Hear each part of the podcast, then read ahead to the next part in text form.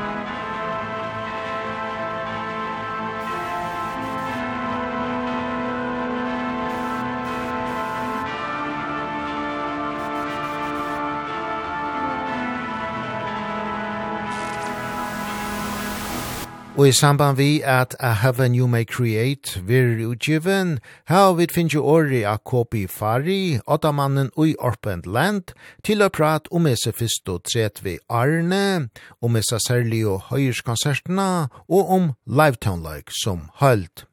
Arne vi koma til Sjolvan Townløygen, spyrja vi Kopi hvordan opplever støvna ui Israel, nu Ofrier og krutsk herjar. Yeah, these days uh, I devote myself between the circumstances of the war that that is now happening in Israel and the, the tragic events uh, you know for both sides of course uh, me and my family try to keep it safe. Um, and in between there is a lot of press since we have uh, the live album coming up.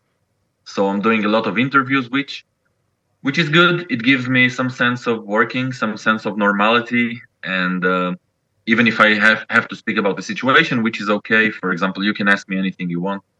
But uh, yeah, yeah, it's it's good to work and to promote something normal in in this chaos. Do the war uh, affect you you as a band also or Yeah, of course. Uh there's a lot of of affection uh with the band. After the October 7th massacre, we were so shocked because this is probably the biggest um attack on on on Israeli people ever since World War II. So we were so shocked and uh, you know we published some posts that we stand with the Israeli people never justified uh the killing of innocent Palestinians but just saying that we stand with our people which is our families friends uh, you know etc made a lot of people to unfollow our pages to say that we are hypocrites to say that we are double faced because we we are considered to be a band that promotes peace uh and and unity which we are. And uh people sometimes forget that we are also human beings. Um we we didn't call we didn't call for revenge. We didn't say anything bad. We just say that we stand with our people. We wanted to mourn. We wanted to grieve. And that was enough for many fans to leave our page which was the feeling was was mixed. Uh, i was very sad to see that the love of fans is dependable on on on what you say. That is very tragic. On the other hand if someone wants to leave it's their own right and choice uh, to live it's a free world and uh, others others will come so that's one aspect. The second aspect is is the the rise of antisemitism that is suddenly rising everywhere. It seems that Jews are now being hunted and being afraid to leave their homes whether if it's in London or in Paris or in anywhere in Europe and the United States.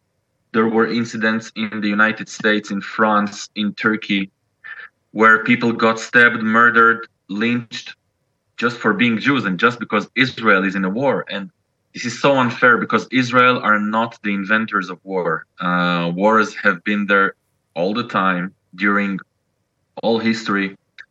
I've never seen people lynching uh, a British guy because Britain knew, because the United Kingdom was in a war. I've never seen uh, uh a shop putting a sign there's no entry for Germans because of World War 2 or anything like that.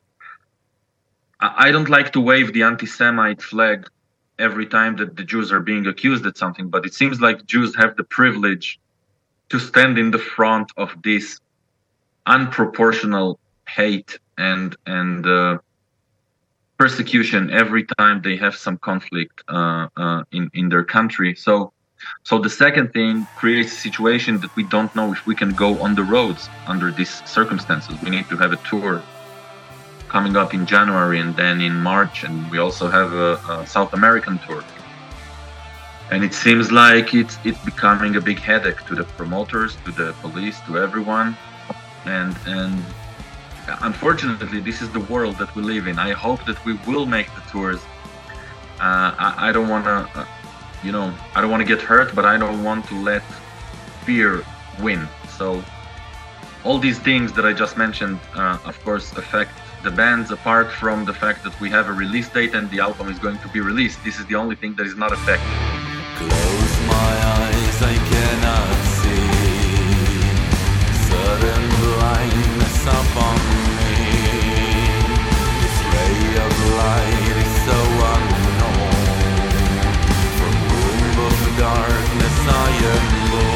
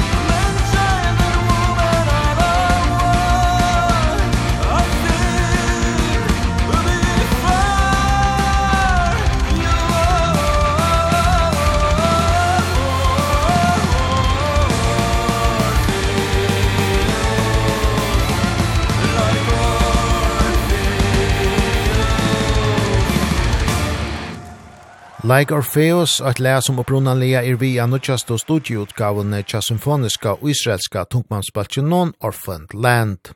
Unsung Prophets and Dead Messiahs, som var utgiven i 2000 og Acham. Hese fyr i konsertutgave saman vi Trushmanstauron, symfoniorkestre. Konserten som var i 2021 var festa band, og er nu tøk av konsertutgavene av Heaven You May Create, som var utgiven 1. desember. Iver 30 år er og lien, så er New Orphaned Land sa dagsins jøs. Og vit bia åttamannen Kobi Fari grøya fra søvene, tja, Bøltjenon. We started the band in uh, 1991 when we were teenagers in high school. We always wanted to talk about things that are are more concerning our reality of Israel and the Middle East. We didn't find any sense talking about Vikings or or stuff that are are more in into the Nordic parts of the world. We thought that we have enough that data to deal with with our own mythology and and also uh actual events So we started the band and we literally invented a new genre in metal music. We started to use this folk metal but folk in terms of using the Middle Eastern elements. And uh, we did we did six albums. We had succeeded to create wonders in a place where people are fighting each other when conflicts are uh, arising uh, every year between Israelis and Arabs, between Jews and Muslims, between people who are literally historical cousins actually. And uh, we we have succeeded really to make to make wonders with our music and uh, with the lyrics of course and with the instruments that we use in in a way that that even if it's an Israeli or an Arab they could identify with our music and lyrics and fight themselves. If they would meet you in in a, in a metal festival they could show you this is a band from my region that reflects what we do. So this is what we were doing for the last 30 years. We got three peace awards.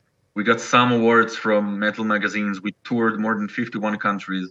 The irony is that we toured almost everywhere except the countries of the Middle East, which is our neighbors and and and the people that we sing about the most because we don't have diplomacy uh relationships with those countries and of course metal music is not really understood in in these regimes Um, so we played in Australia, but we didn't play in Jordan, which is like right the next door.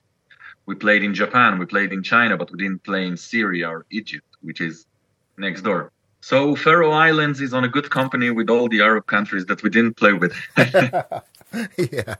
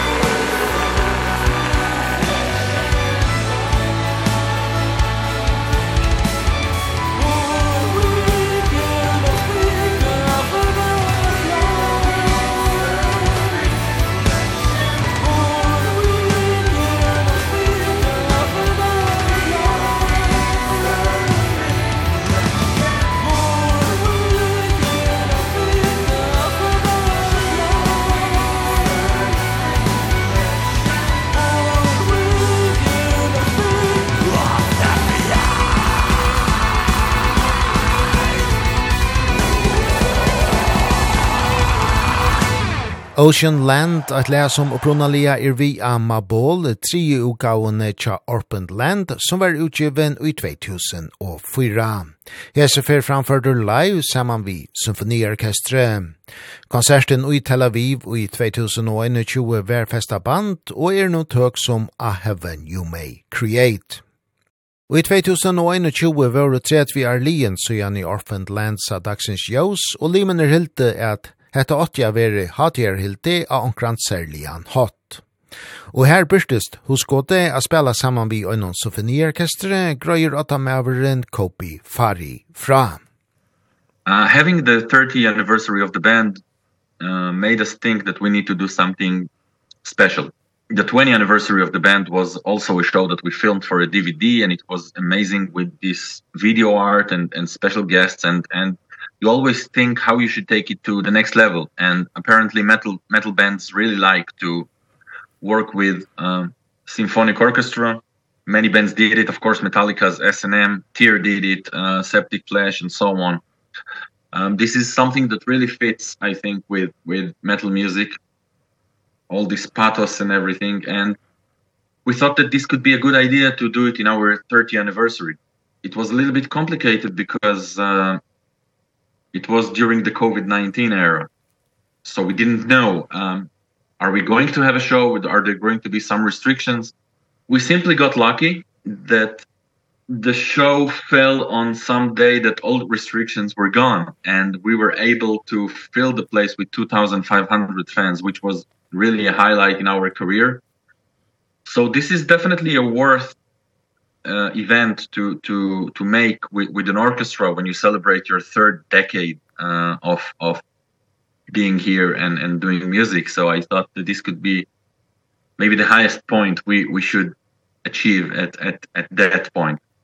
The process was very long uh and uh, sometimes even exhausting. Um we had a musical director and with him we chose all the tracks that we would like to perform uh tracks that we knew that the audience would like or tracks that we wanted to make some rearrangement with the classic orchestra. So the song will have some new version. Um so we picked up the the tracks and then the musical director he gave it to some people that worked with him to rearrange the songs into classical arrangements.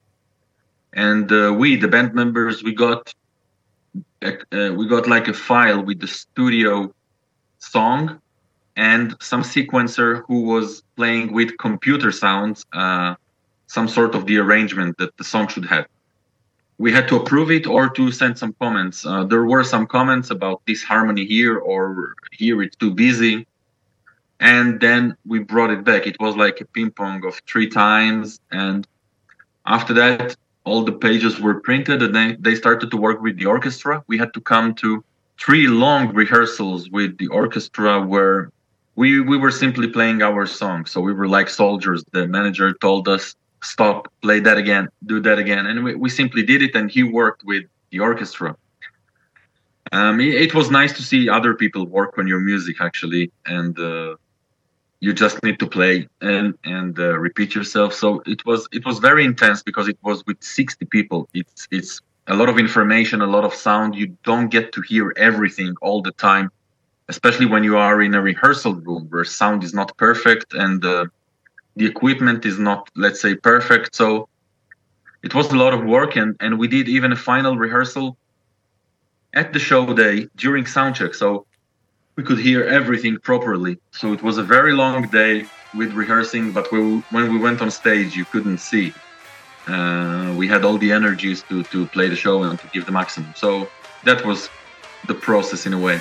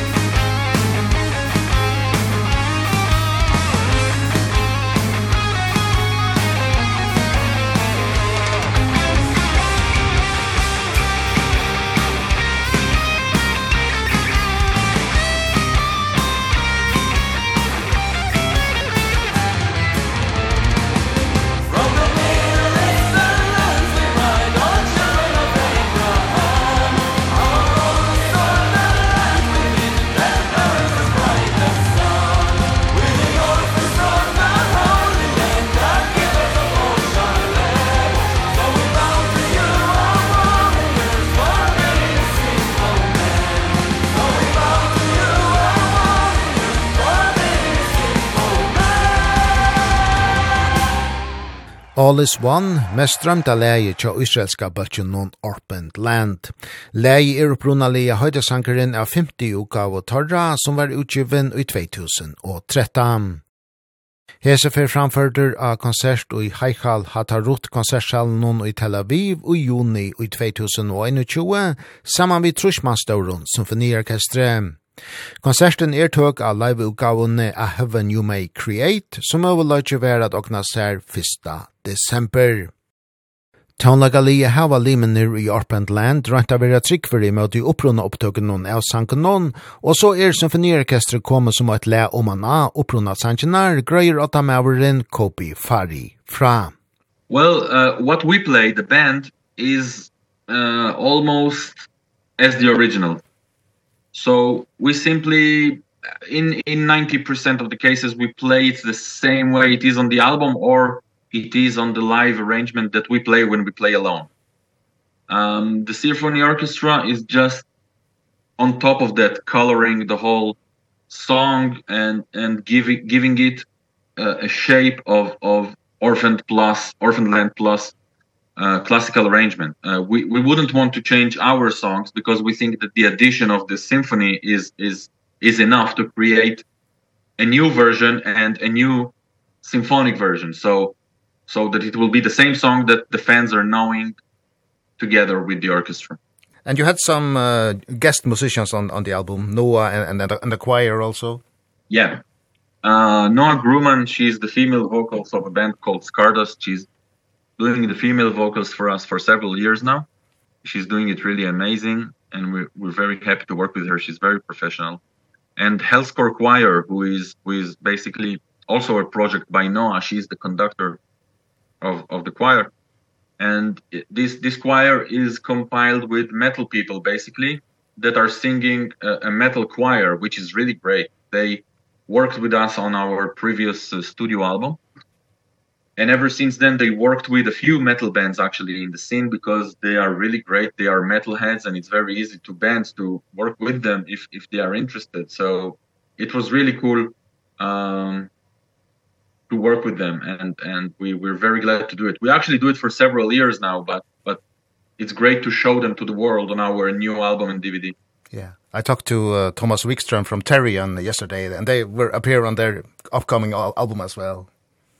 Yeah, yeah, of course, of course. They uh, started to work with many bands, and I think that they, they really deserve it because they're doing a great job and uh, they're very professional and they're they're a metal choir, which which you can find many choirs, but but not many of them are metal.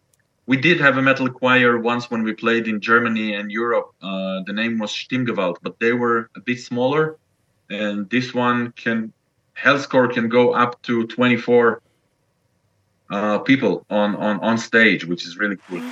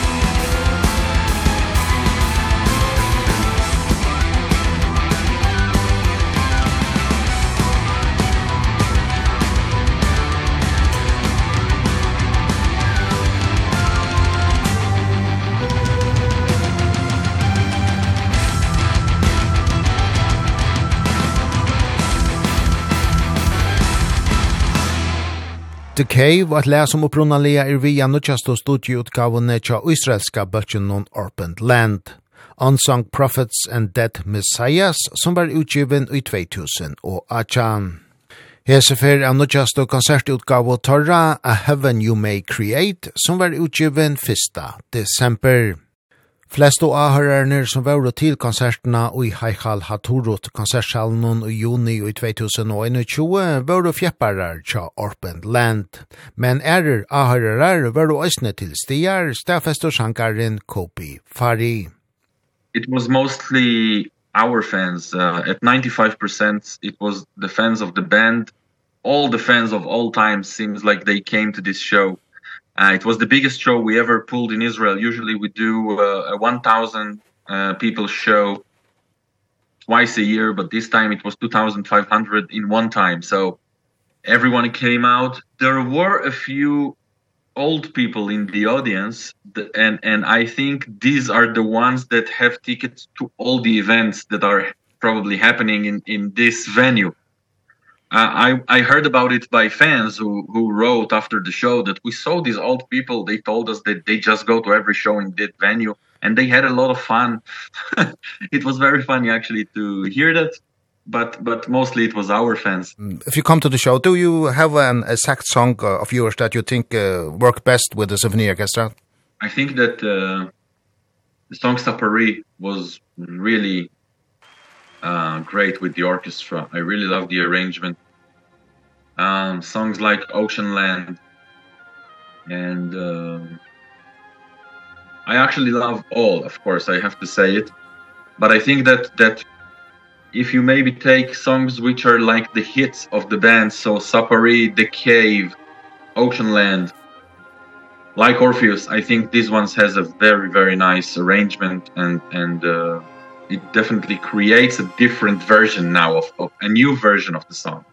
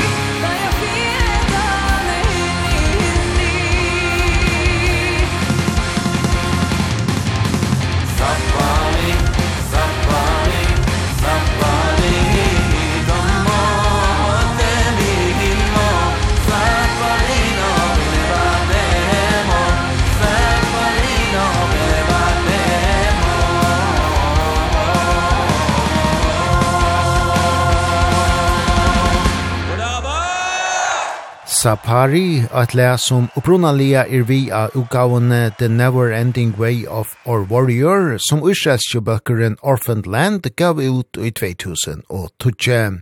Hese fer fra konsert som bøkeren heie saman vi Trushmanstauron, som orkestre. Konserten fra 2021 var festa band, og er no tøk av utgavene A Heaven You May Create. Vi tåsa i kvöld vi Kopi Fari, åttamannen ui just Orphan Land. Og sannaste løtena koma vid inna live-utgave konseptet og konserter som hølt. Do you have a, a live album that is, is your favorite by other bands? I think that Iron Maiden's uh, Life After Death would be one of my favorites. Sometimes there are live versions that are just better than the album version. Uh, you know, Iron Maiden's Fear of the Dark – where uh, the audience is singing along. Sometimes that atmosphere of of the togetherness and the vibe of the live and the adrenaline gives something that the studio will never give.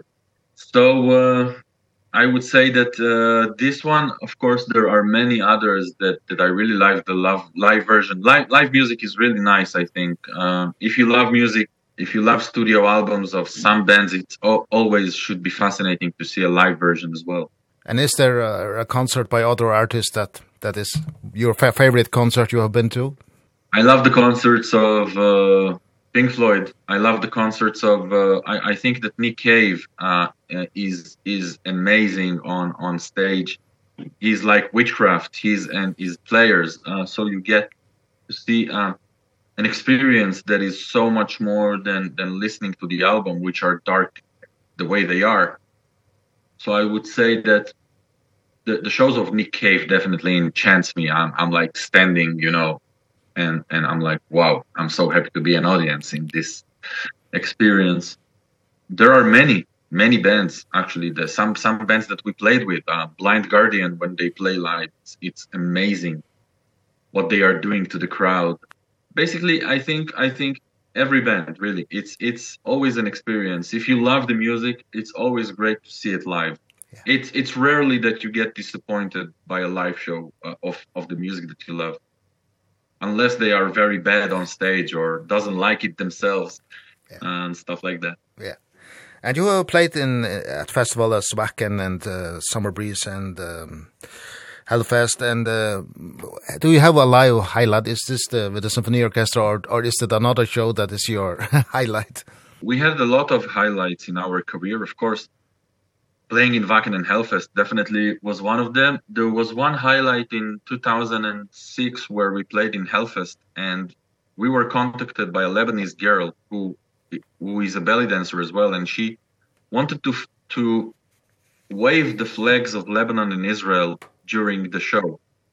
Um Israel and Lebanon are obviously political enemies uh and there is a lot of hate between the countries and basically the regimes actually. And we thought that it would be a disaster for her if she do it with us. I I remember telling her listen it will be a great PR for us but it will be a disaster for you so i don't know if you should do it. You should reconsider i i don't want you to get hurt or something like that. And she just said she just said i want to do it so let me choose my my destiny and what i want to do. And we did it. And we waved the flags and it was a huge celebration of of unity and peace and friendship. And then as expected she she got she was hunted in her own country and she had to leave to Ivory Coast actually um they came to the the house of her grandmother and they were calling her names. They thought that she was from the Mossad and and stuff like that. Uh, but but i think it was the bravery of the arab spring back in those days that people wanted to express wanted to have their freedom to express whatever they want. Um and uh, we are still in touch up until these days so that was one hell of an experience. Also playing in Istanbul in Turkey which it's it's it's some kind of a landscape that brings a lot of our Arabian fans to to watch our show. So there is a surrealistic event when we play in Istanbul that we are Israelis on stage and the crowd is full of people who are from Iran, Lebanon, um Saudi Arabia, Jordan, Egypt, uh Syria and and that's that's a very rare occasion because those countries are enemies and that those fans are traveling all the way to see our show. So that is a very unforgettable moment every time that it happens. Um it's very exciting. There are videos sometimes in youtube that you can find from these moments and um it, it those it's those moments that shows you that there is another way it's a very small sparkle of light but the distance between nothing or being hopeless than that it's a long distance. So this is the example that um, it it exists and and it those shows are always unforgettable. Even more than the one with the orchestra probably. And uh, there have been some uh, some years since you released your newest uh, studio album. Um, how how about that? Is there some new music in making? Not yet, but um I think that after the live album we will gather ourselves to to to write the next uh, studio album. I think it's time. We always take 6 or 7 years between albums. It's horrible and it it it happened again now. And I think that after the live album after 2024 we will definitely uh work on it.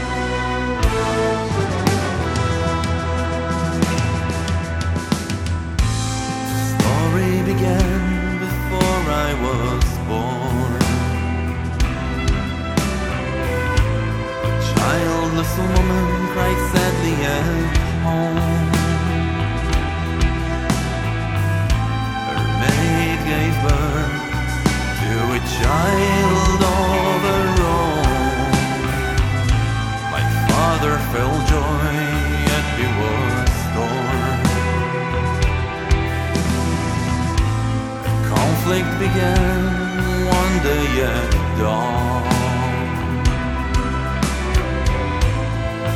took your hand and you were gone. The desert you led towards the unknown. I reckon you were so alone.